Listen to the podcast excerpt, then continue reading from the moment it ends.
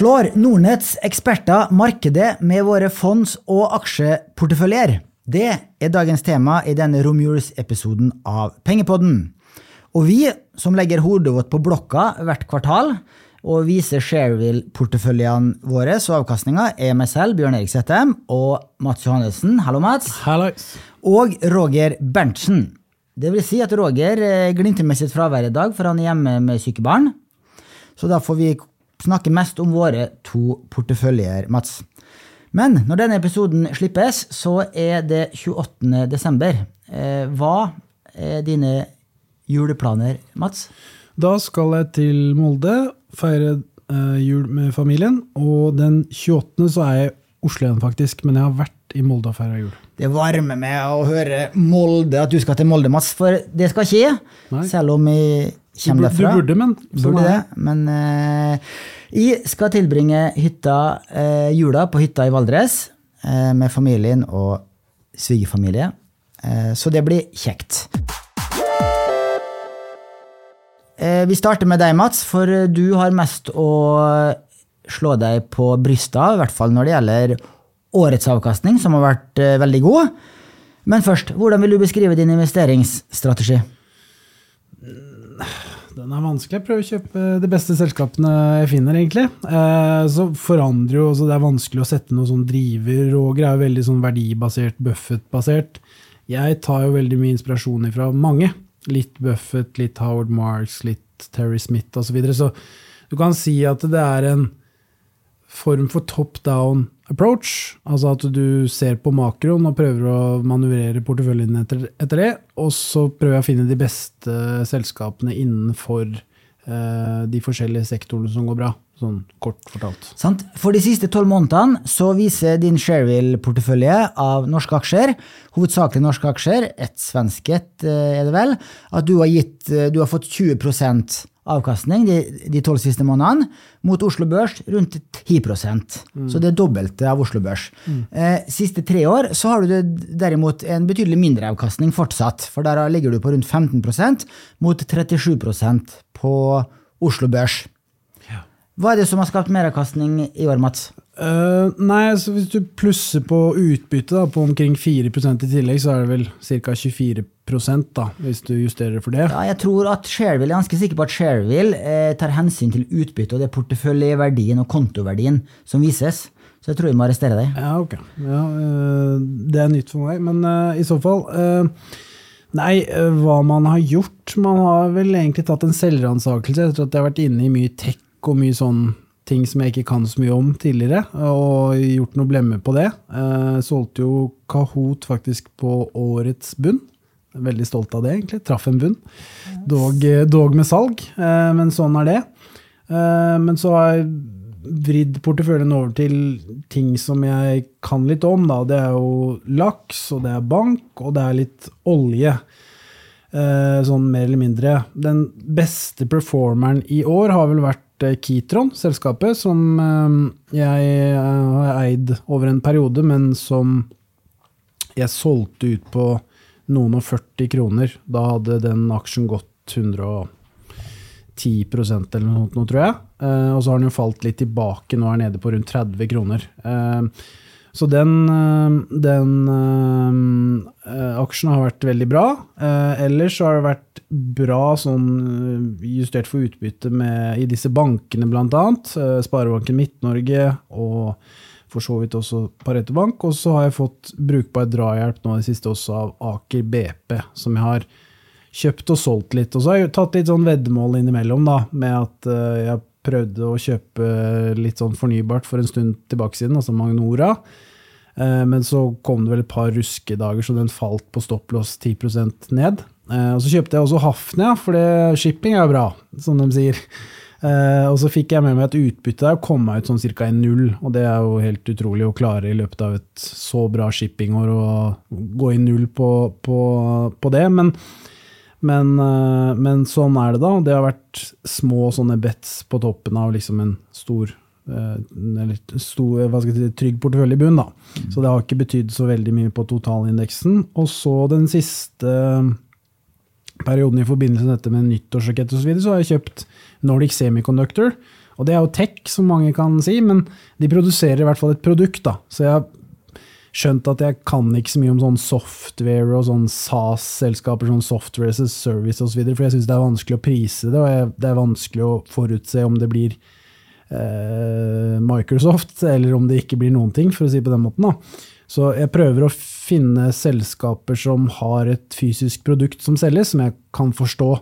Eh, og ved å ha gjort alle disse tingene i år og tatt den lille selgeransakelsen, så skjønner jeg i hvert fall hvorfor selskapene går bra, for å si det på den måten. Og det er ikke bare avhengig av at det skal være hype, det er liksom en reell verdi i bunnen. Da. Altså, alle vet at uh, man, uh, man, skal spise, f.eks. Altså, det er et primærbehov, så der vil jo laks komme inn, og man er nødt til å kjøre bil og oppvarme hus og drive tungindustri, så der kommer olje inn. Og så er man avhengig av lån bl.a. i næringslivet og til bolig osv., så, videre, så der kommer banker inn. Så det er litt sånn enkle fine analogier. da. Så Skal det sies at jeg også faktisk før sending her Det går fort, vet du, Bjørn Erik.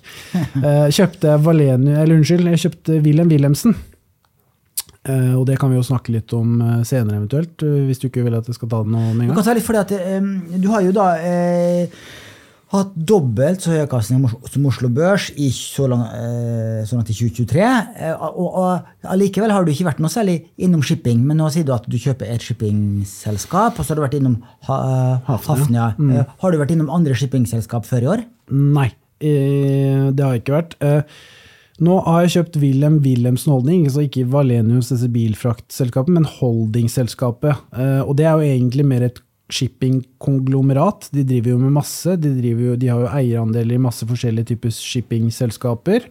Og innenfor fornybart. De driver med havneservice, de driver med eh, ships, ships, management. Og så har de så tilbake igjen, de har jo stor eierandel i Valenius Wilhelmsen, dette bilfraktrederiet. Hundai Glovis osv. Så, videre. så Eh, Wilhelm Wilhelmsen Holding er jo egentlig et mer eh, konglomerat. Der har det jo, for de som har fulgt med litt i mediene, vært litt sånn arvestrid med han Thomas Wilhelmsen og disse søsknene sine, som har ført til at eh, eh, Altså, de har i hvert fall ifølge Nav og reell markedsverdi, så er verdiene prisa litt lavere, da, pga. at han selvfølgelig ønsker jo å by en lavest mulig kurs for disse aksjene til disse Eh, familiemedlemmene som ønsker å få ut pengene sine. Eh, så hvis man ser på harde tall, så er vel eh, bokført verdi for et sånt konsern nå, det er på 0,6.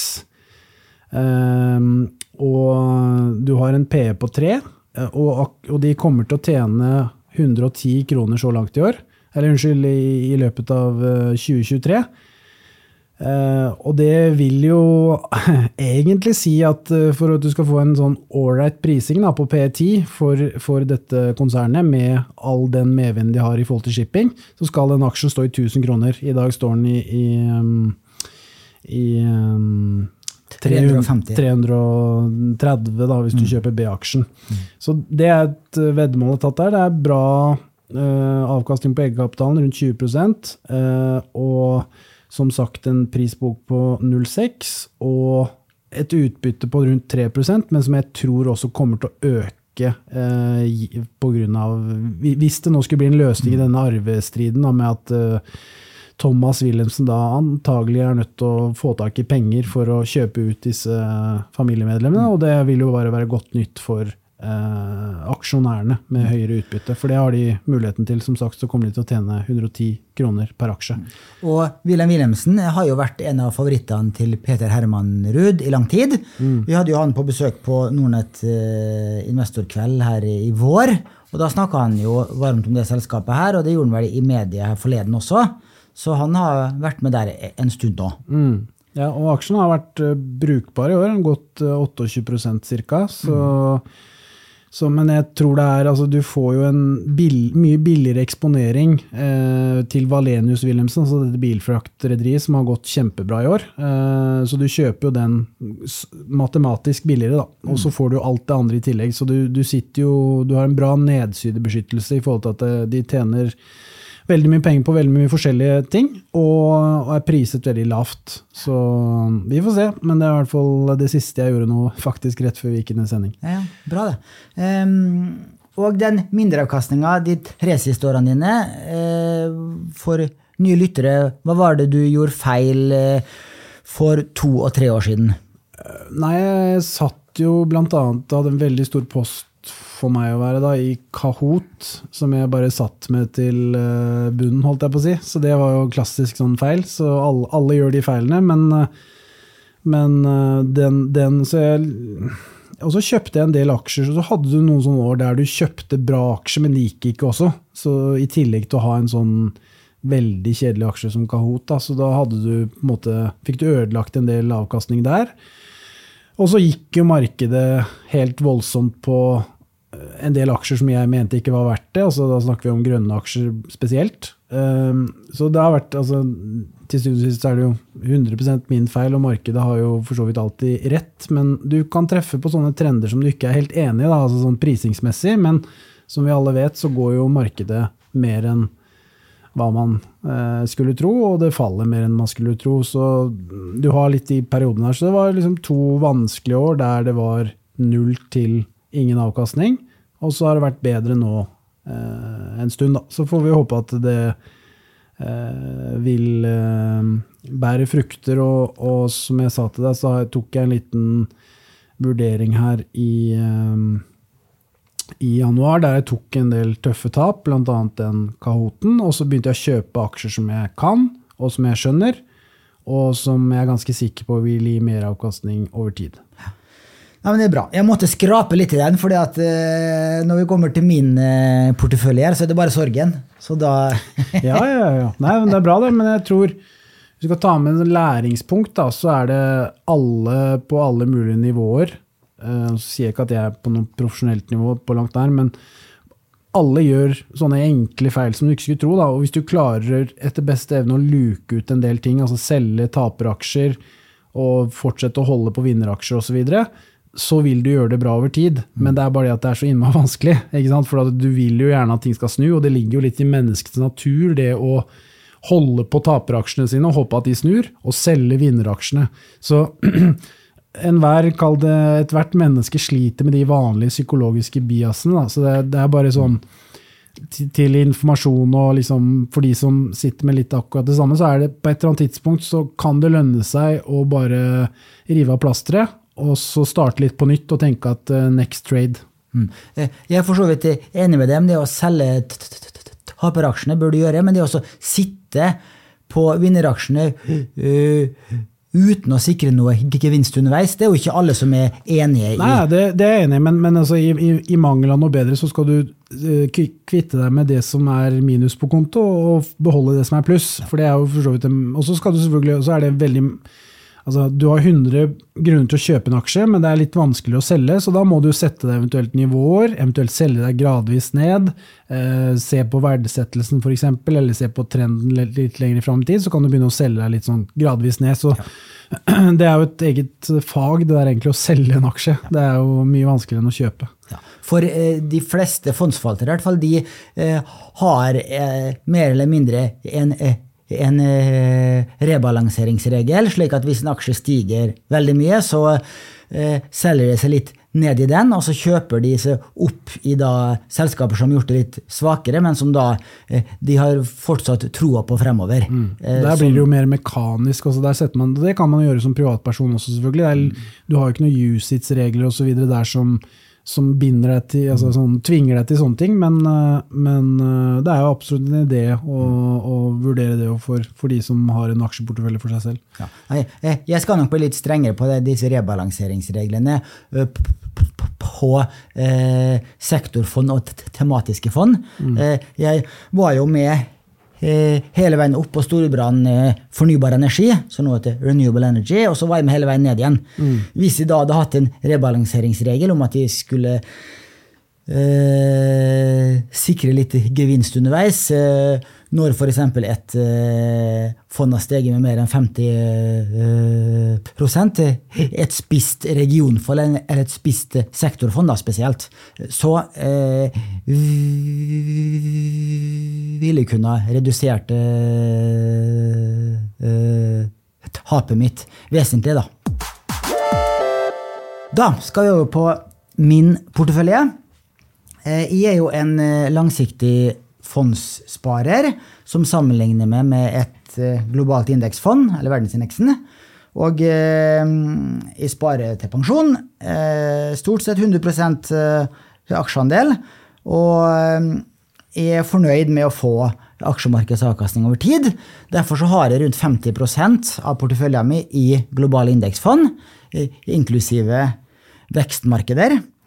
Og den andre halvparten har jeg fordelt på ulike aktive fond. Eh, det kan være regionfond eller sektorfond eller tematiske fond som vi har troa på skal slå eh, et globalt indeksfond på sikt. Men eh, jeg er jo et levende bevis på at det er ikke så lett å slå et globalt indeksfond, Mats. Nei. Nei, jeg ser det. Og du har jo Det går jo fort til tider i min portefølje også, men du er voldsom på den der tradingen og ned og opp og ned i diverse fond og tematikker og du, du, har mye fond, da. Altså, det, er jo, det, er jo, mer spennende å følge din portefølje enn min aksjeportefølje. Ja, jeg er ikke helt enig med det. Jeg tror at du har eh, flere uh, aksjebytter enn jeg har fondsbytter gjennom et år. Men du har rett i at jeg har ganske mange fond. Jeg har ni forskjellige fond. Mm. Uh, Dvs. Si syv fond og to ETF-er, for å være helt presis. Og eh, siste tolv månedene så har min fondsportefølje gitt 19 avkastning. Eh, om lag på din, men du er jo bare på Oslo Børs, mm. sånn at det blir litt eh, urettferdig å sammenligne epler og pærer. fordi at eh, jeg har slått Oslo Børs, men det er ikke de jeg sammenligner meg med. Jeg sammenligner meg med et bredt globalt indeksfond eh, som jeg bruker Storebrand indeks alle markeder som referanseindeks, for det er jo i norske kroner, og det inkluderer emerging markets. Og det har gitt 27% siste tolv måneder, og da har jeg en, en mindreavkastning på 8 prosentpoeng. Og det er jo ganske dårlig, tatt i betraktning at halvparten av fondene mine er, er globale indeksfond. Som skal gi den avkastninga eh, til markedet. Og også de siste tre år så har de 20% akkumulert avkastning mot 44 da, for et bredt globalt indeksfond. Mm. Så det er jo helt eh, ræva, og det er skikkelig selvpisking der. Det gjør vondt. Og det har gjort vondt nå det siste året, når jeg har ligget bak eh, siste tolv måneder og siste tre år. Eh, det var jo en periode der jeg lå foran indeksen, men det begynner å bli en stund siden nå, så jeg har nesten glemt. Så eh, mm. det er ubehagelig. Men, men, er det noe vits så Jeg ser du har tatt inn Nordnett indeks 125, dette girede globale indeksfondet, og så har du Nordnett indeksfond også. Altså Er det noe vits å ha det? Altså Du kunne jo egentlig bare gira en av dem, så hadde du fått det samme. Altså ja, eh, jeg tok inn det nye fondet. Det kom jo i 1. Eh, ble det lansert, og det har blitt godt mottatt, og det har fått en god start. Jeg sjekka nå før sending. Fondet er opp 8 eh, siden eh, oppstart for knappe tre måneder siden. Og det globale indeksfondet vårt er da opp rundt 6% Så du får jo da eh, si eh, 125% eksponering. Eh, minus en rentekostnad. Mm. Nå har ikke den rentekostnaden vært så stor på de tre månedene fondet har vært. Rundt E1 er vel den rentekostnaden mm. Eh, på de tre månedene. Eh, og eh, så lenge markedet går oppover og stiger mer enn den risikofrie renta da, som den giringen er finansiert av, så vil det lønne seg å sitte med det gira globale indeksfondet versus et ordinært globalt indeksfond. Hvis markedet går ned, så faller det jo mer enn det globale indeksfondet. Ikke bare 25% mer, eh, men du får også rentekostnaden på toppen. Så da blir det da et eh, Da svir det mer da, når det globale aksjemarkedet faller. Men øh, nå skal jeg prøve å høre hva du kan svare på dette her. For nå, akkurat i det veldig korte bildet nå, da, vi snakker type fra 15. til 20. desember, så har rentene falt, men krona har styrka seg. Mm. Hvordan blir den utregninga da? Ja. For at du, du, vil jo etter all sannsynlighet få en billigere altså Når du refinansierer neste låneavtale nå, så vil jo det være på lavere renter enn det det var tidligere. Mens krona har jo styrket seg mot dollar, noe som er negativt. Og det har vi jo sett, alle de som har eh, sett på de globale fondene sine før jul, har jo sett at du har fått plutselig litt sånn 2,5% ned osv. pga. kronestyrkelse spesielt. da. Ja. Hva, hvordan liksom Ja, eh, De effektene slår hverandre litt i hjel. Mm. Eh, eh, hvis valutaen er eh, eh, stabil en dag, så Og da hvis f.eks. Nordnett Global Index har steget eller falt med 1 prosent fra en dag til en annen, så vil dette 125-fondet da stige eller falle med 1,25 mm, Minus den veldig lille rentekostnaden da, eh, som beregnes fra dag til dag. Eh, hvis da valutakursen endrer seg, eh, så vil det også påvirke begge fondene. Og da vil du få se en rar effekt noen ganger. At det 125-fondet kan faktisk bevege seg mindre enn det underliggende globale indeksfondet, fordi at valutaen drar i motsatt retning. Ja, riktig. Så du har en litt rar effekt der, som vi har fått noen spørsmål på. Mm. Men eh, det jeg har sagt før om dette 125-fondet, som for øvrig eh, denne uka her eh, vant en eh, kåring av svenske private affærer for uh, årets uh, turbofond. De har forskjellige uh, fondskåringer, og da vant Nordnett globalt indeks 125 klassen for årets turbofond. De syns det er en veldig interessant nyvinning, mm -hmm. og med lave kostnader, som også da mange pensjonskunder kan ha nytte av, skriver private affærer, som da er tilsvarende dine penger i Sverige. Så det er vi stolt av. Og jeg har sagt det før i podden, det er jo faktisk min idé. Da jeg begynte her i, i Nordnett, så har jeg eh, lobba for å få et gira globalt indeksfond, for jeg tror det er den enkleste måten for folk flest å slå et globalt indeksfond. Jeg har jo vist at det ikke er så lett å slå et globalt indeksfond ved å sette sammen en, en uh, portefølje av aktive og passive fond. En enklere måte er nok å velge dette 125-fondet. Så spør du meg hvorfor har jeg ikke bare valgt det. Jo, eh, etter eh, når det kommer en betydelig korreksjon hvis aksjemarkedet faller 20-30-40% så er det nok et gunstig tidspunkt å gå inn i et slikt forsiktig gira globalt indeksfond. Eh, nå er jo aksjemarkedet ganske høyt prisa. Ja. Eh, og da er det kanskje ikke det rette tidspunktet å gå all in i dette fondet. Derfor har jeg tatt inn med en vekt på 6-7% og alle de månedlige spareavtalene til meg og mine barn har jeg nå bytta over til dette 125-fondet. Det er ikke noen anbefaling. Eh, eh, nødvendigvis til lytterne å gjøre det, men jeg tenker i hvert fall at som en månedlig spareavtale til barn eller til egen pensjon, så vil dette fondet her være veldig godt egnet. I likhet med et globalt indeksfond. Her får du da litt mer turbo på sparinga di når du går oppover. Litt mer turbo på vei ned, dessverre. Ja. Gearing work both ways, er det ikke det de sier? Det gjør det. Og du skal selvfølgelig være forsiktig med gearing. og Derfor har vi da valgt eh, eksponering på 125 og ikke 150 eller 200 mm. Du kan også få det også i ETF-universet, men da eh, får du veldig store svingninger opp og ned, og mm. det er mm, litt skummelt. Eh, også for langsiktig sparing, faktisk, hvis giringen blir for stor. Nok om det. Eh, ja. Eh, det er to fond som har gitt marginalt bedre avkastning enn eh, dette brede globale indeksfondet. Og det er jo da eh, Nordnett globalt indeksfond, mm -hmm. av den enkle grunn at Emerging Markets-indeksfondet og Emerging Markets generelt har hatt et dårlig år. Mm. Og da eh, vil jo et Developed Market globalt indeksfond gjøre det litt bedre. Og så er det Van Eck eh, e-sports enn videogaming-ETF-en min, som har steget med noen og 30 målt i norske kroner. Ja. Eh, de andre fondene har gitt mindreavkastning.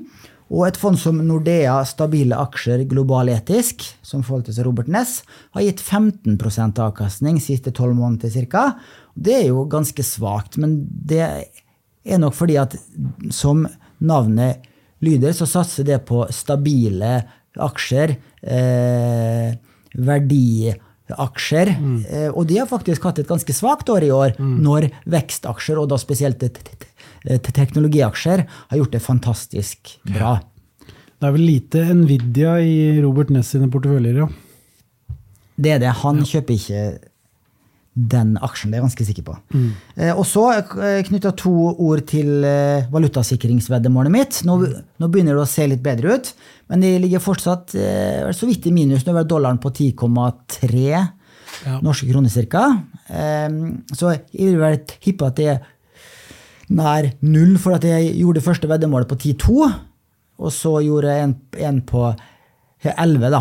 Eh, men du får en litt uheldig rebalanseringseffekt, også, så, som jeg har sagt før. Jeg klarer ikke helt å regne hjem eh, eh, kursen til det valutasikra fondet, til KLP og til Storebrand og til DNB også, for du har en sånn uheldig rebalanseringseffekt der. Du sponser meglerne, vet du. Det er dyre refinansieringskostnader og sikringer. Så det er noe med det. Ja, der har vi snakka litt om det før, i episoden med han, eh, med han Lars eh, Mauland i Nordea, eh, som jeg hadde for et lite år siden. Så de som er interessert i disse valutasikrings-rebalanseringseffektene, kan spole tilbake i arkivet og høre om valutasikra fond der.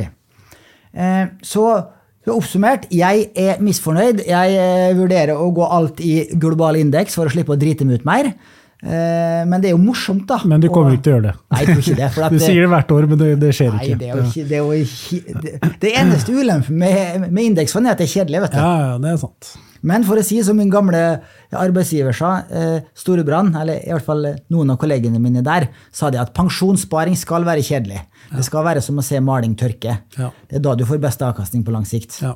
Og det er noe i det, altså. Men eh, å få 19% avkastning på et år er jo absolutt hyggelig, det. Mm.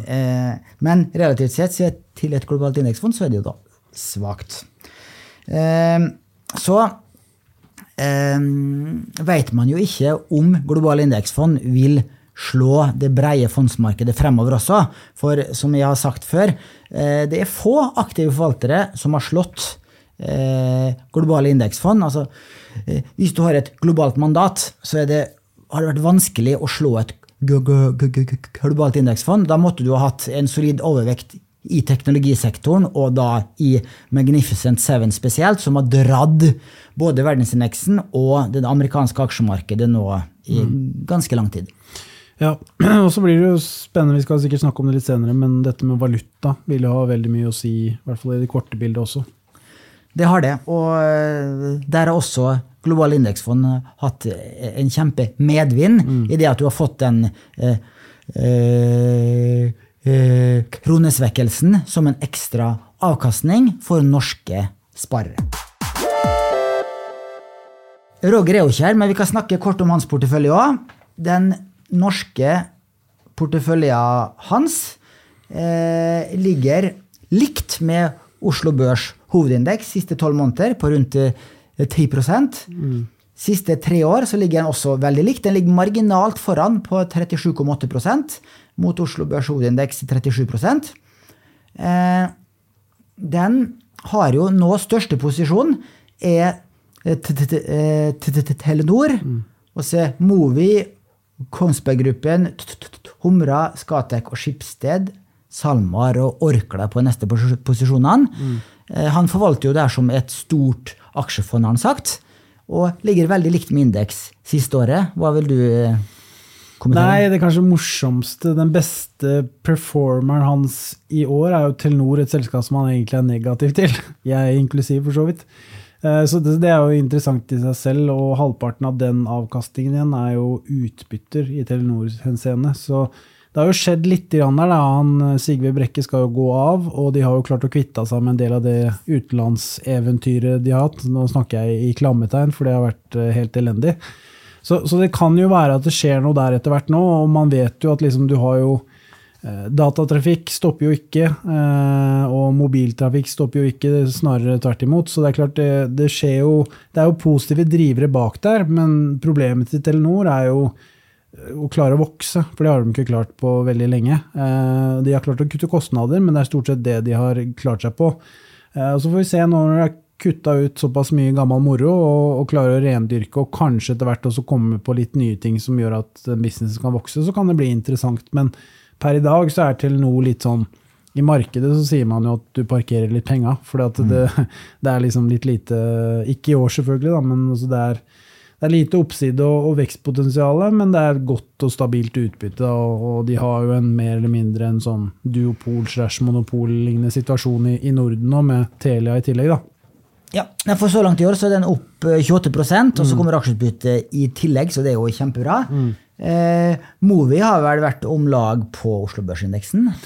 Ja, den har vært uh, omtrent på det. Den har vært uh, veldig svak. SalMar har jo vært voldsom. Den har jo gått 43 av en eller annen uh, litt sånn merkelig grunn, med tanke på at man vet jo at denne lakseskatten er jo det som slår hardest på SalMar, som har stort sett innenlandsk produksjon. Skal det jo sies at mye av disse lakseselskapene Jeg, jeg kan jo kanskje dra hele det lakse laksespill når vi først er i gang? Eller? Ja, på et par minutter. Ja, ikke ja. mer enn det. Nei. Du kan, hvis du ser på lakseprisen i år, um, så har den vært omkring 80-90 eh, dollar Nei, unnskyld, 80-90 kroner uh, for laksen. Uh, lakseprisen er opp 18,5% Oslo Seafood Index, som da inkluderer Movi, SalMar, Lerøy osv., er opp 8,5% Så det er jo en 10 prosentpoengs forskjell der, som er interessant. SalMar er jo absolutt en topp-performeren, som er opp 43% og den prises nå til 25 ganger neste års inntjening.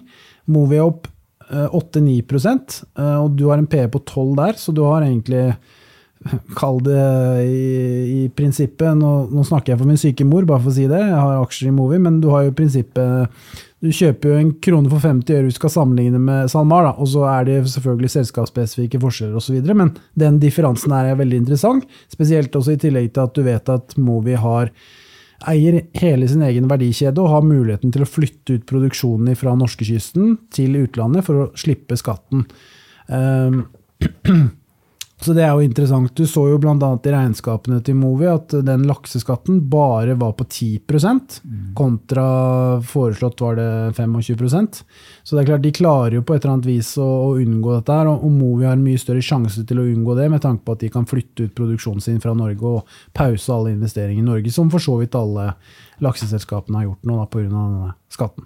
Mm. Så det er um, Men det er klart, det er jo en en bransje som tikker og går, med litt opp- og nedturer. Det har egentlig vært en veldig stabil bransje, men så kommer jo dette i 22 så kommer dette famøse eller den lakseskatten som ødela en del, og som gjorde at du skremte bort ganske mange internasjonale investorer, blant annet også.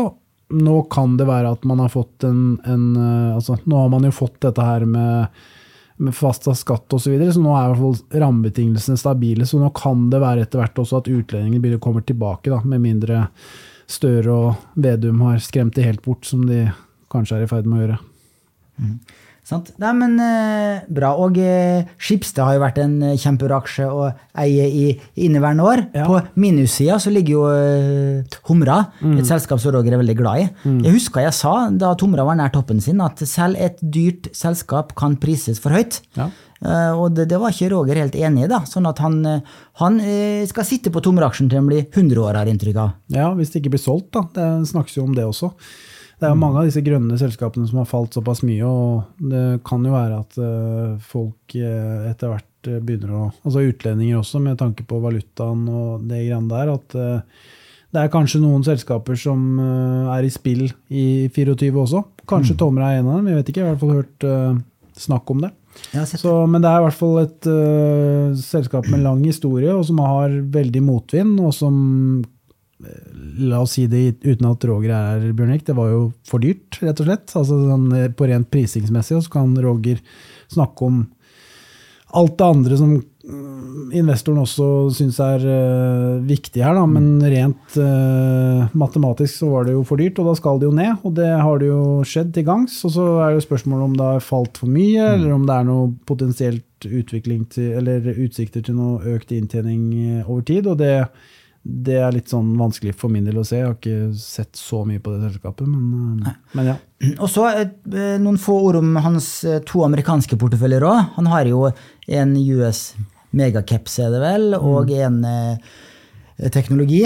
Eh, og eh, jeg har ikke noe med noe foiler på disse to, siden han ikke er, men de har jo fått fantastisk avkastning. Ja. Hvis du husker riktig, så er noen 80% på den ene og over 100 de eh, siste tolv måneder på den andre. Ja. Så det er jo helt utrolig. Han har jo eh, hatt eh, veldig stor posisjon i Nvidia og i Microsoft og i Apple, vel, som, som har dratt markedet noe voldsomt.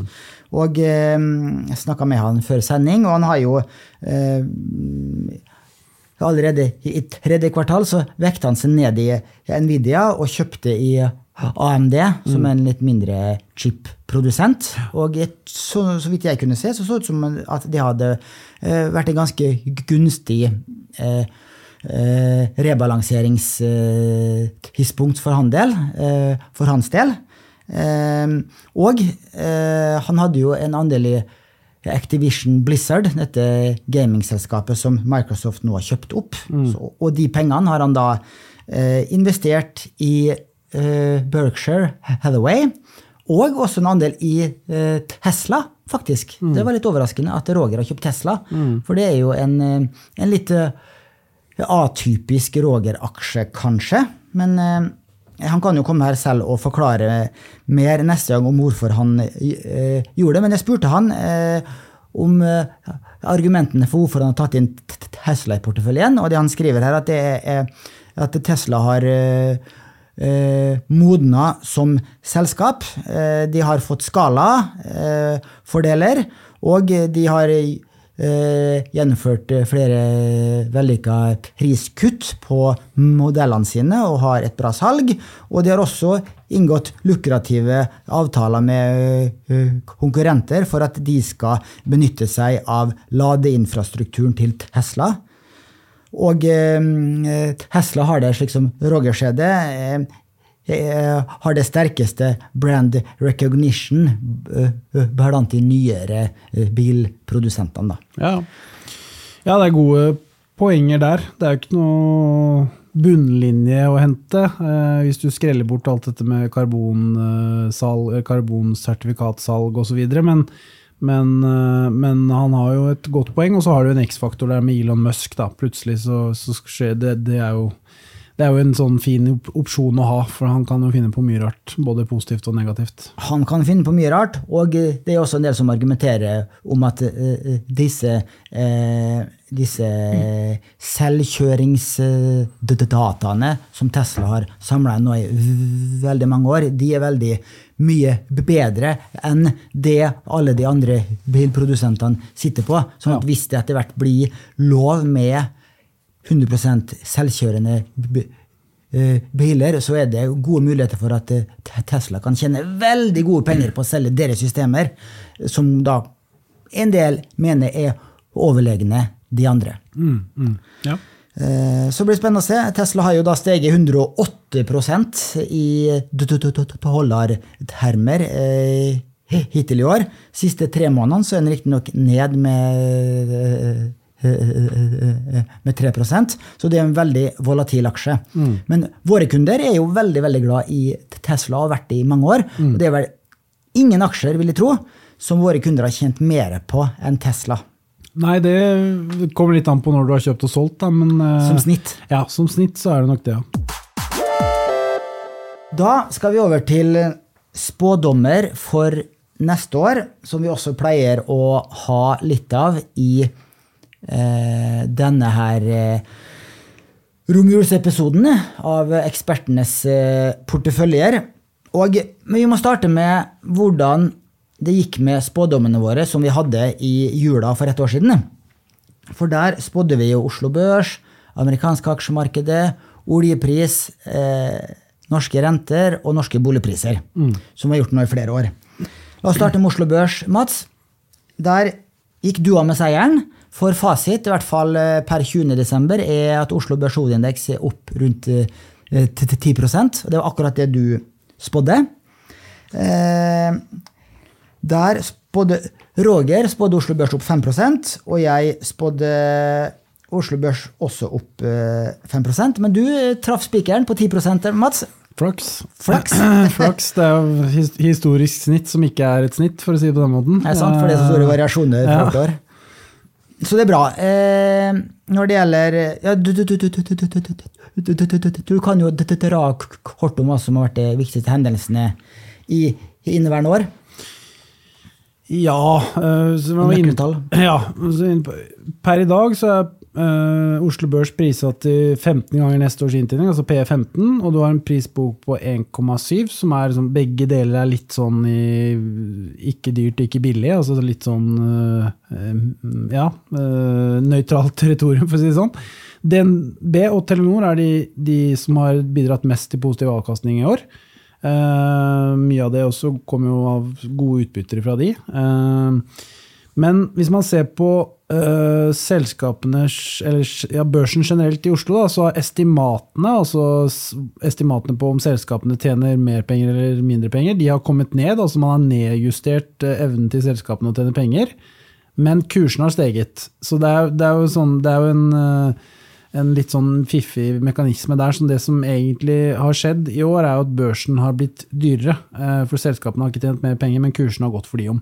Og Det er klart, det funker jo for noen år, men det funker jo ikke på lang sikt. Eh, Og mye står jo og faller på olje og energi.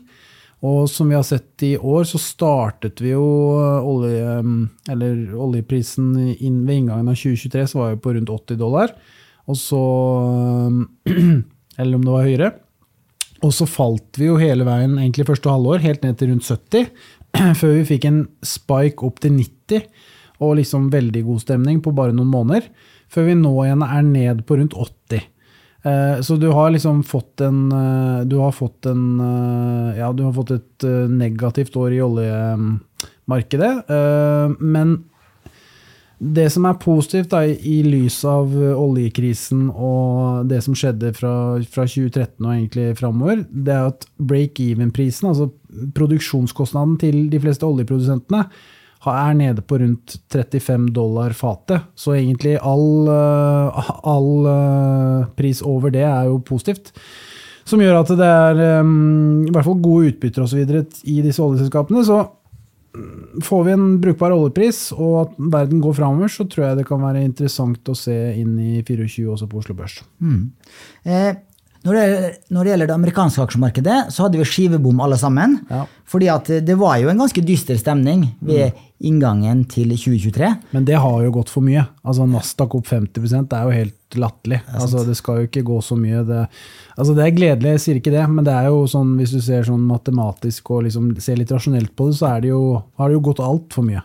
Man, jeg er ikke uenig i det. Sant? Så, så da eh, Vi trodde alle på eh, enten eh, null avkastning Det var vel og Roger som sa at amerikanske amerikansk aksjemarked skulle være mellom null og pluss 5 og du sa minus 10% på det amerikanske aksjemarkedet. Så der hadde vi alle skivebom. Og du hadde mest feil her, da, bare for å si det. Ja, ja, 60 prosentpoeng i forhold til Nasdaq. I forhold til Nasdaq. Nei, ja. Eh, og hvis du ser på det, den eh, breie amerikanske aksjeindeksen SMP 500, så er den opp 25 målt i dollar i inneværende år.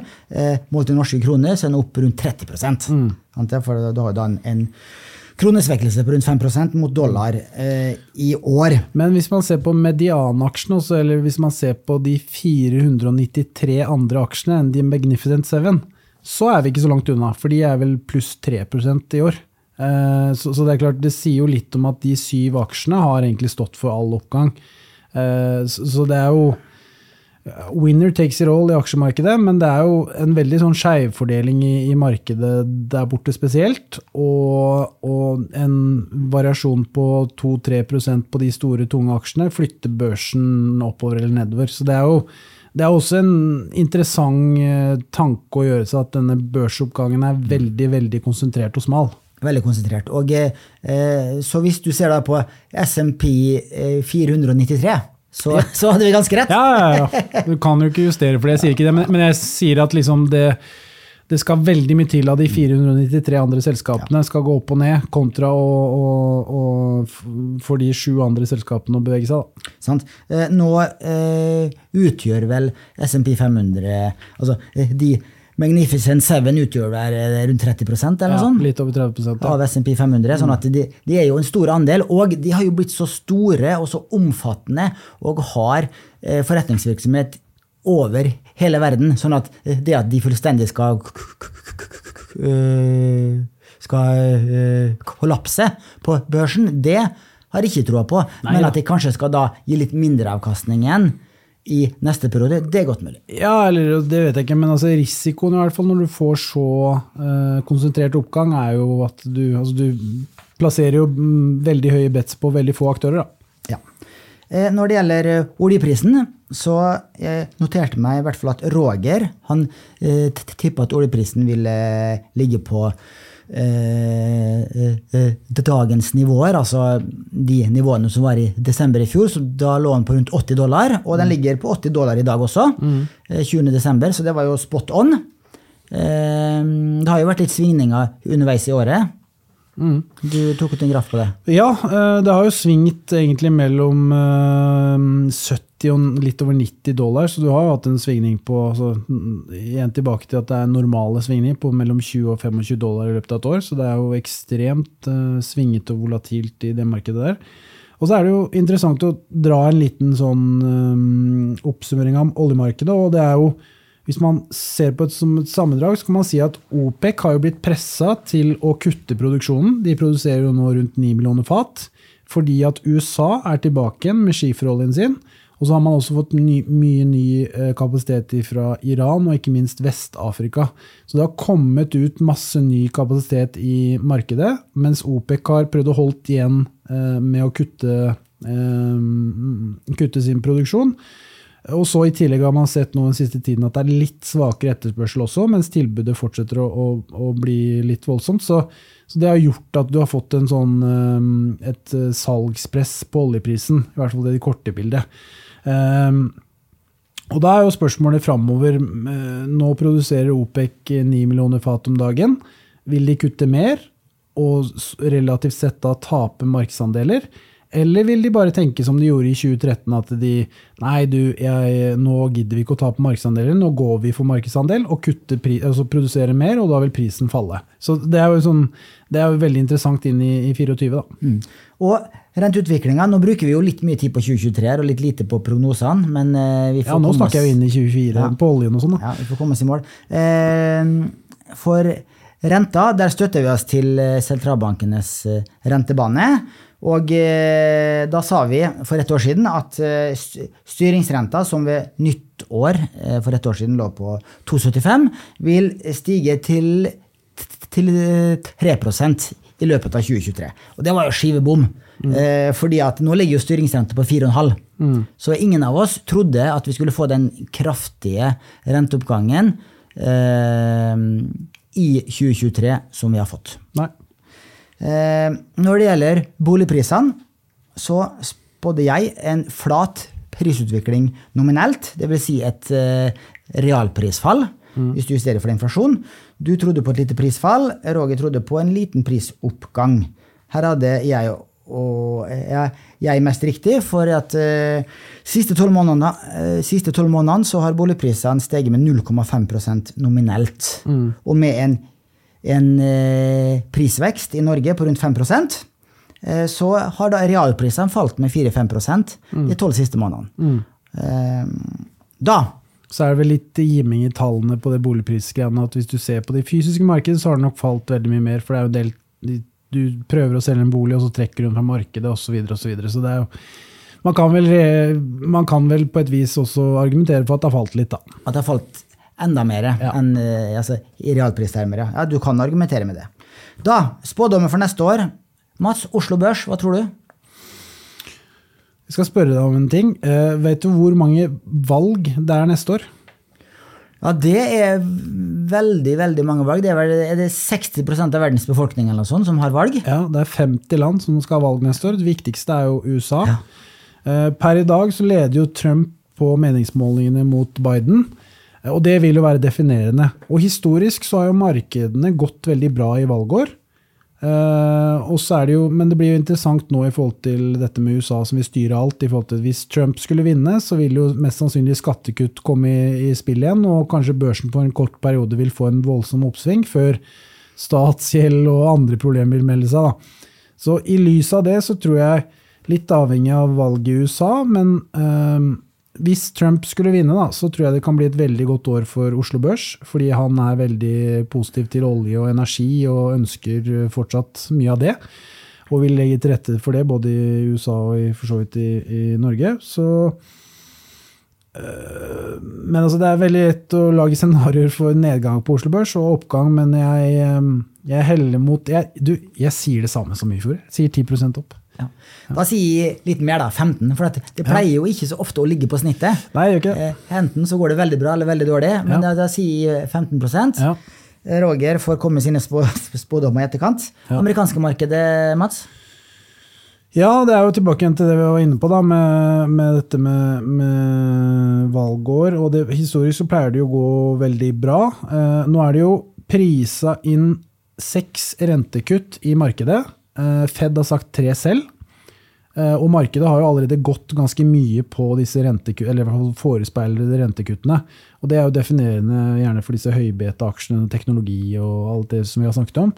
Eh, så jeg tror på en oppgave på SMP 500 så tipper jeg um, 13% opp. Oi.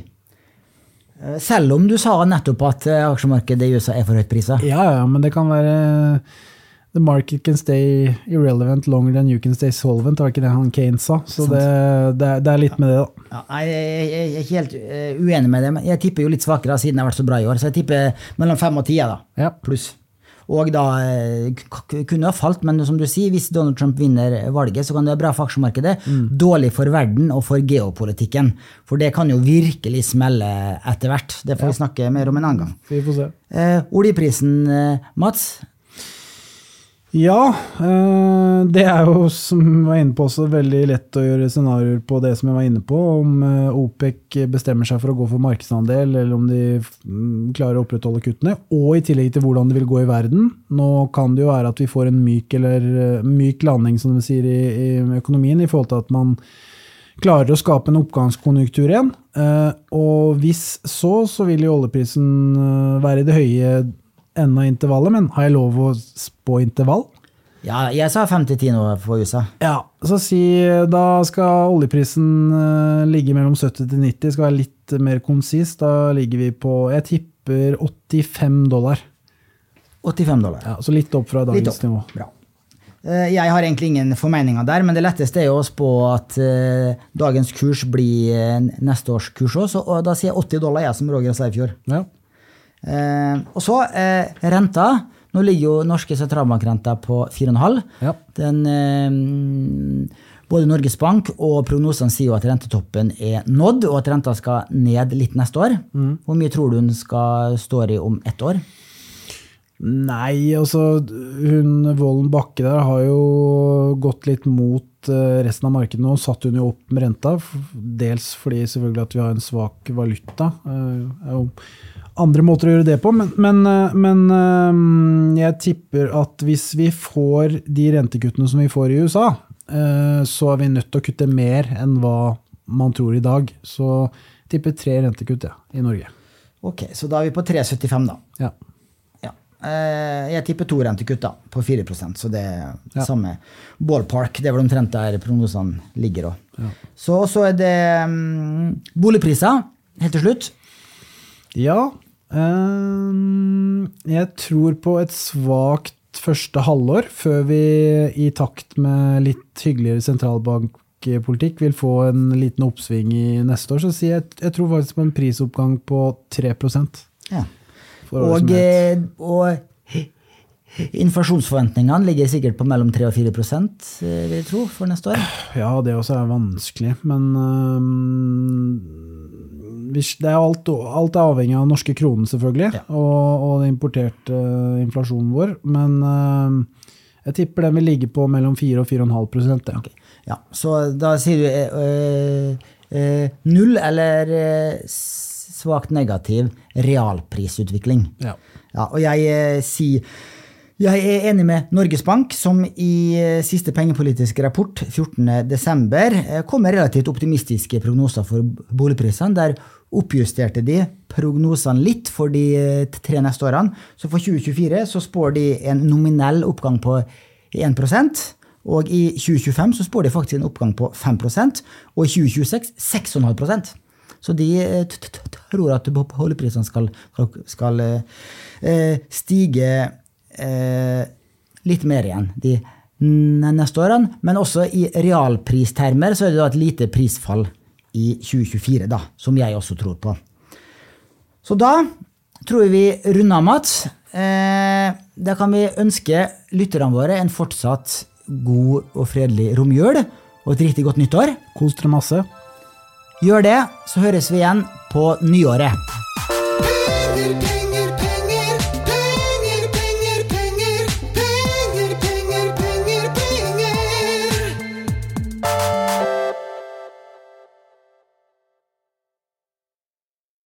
Denne podkasten skal anses som markedsføringsmateriell, og innholdet må ikke oppfattes som en investeringsanbefaling. Podkasten er kun ment til inspirasjon og informasjonsformål. Nornett tar ikke ansvar for eventuelle tap som måtte oppstå ved bruk av informasjonen i denne podkasten. Les mer på disclaimer-siden på nordnett.no.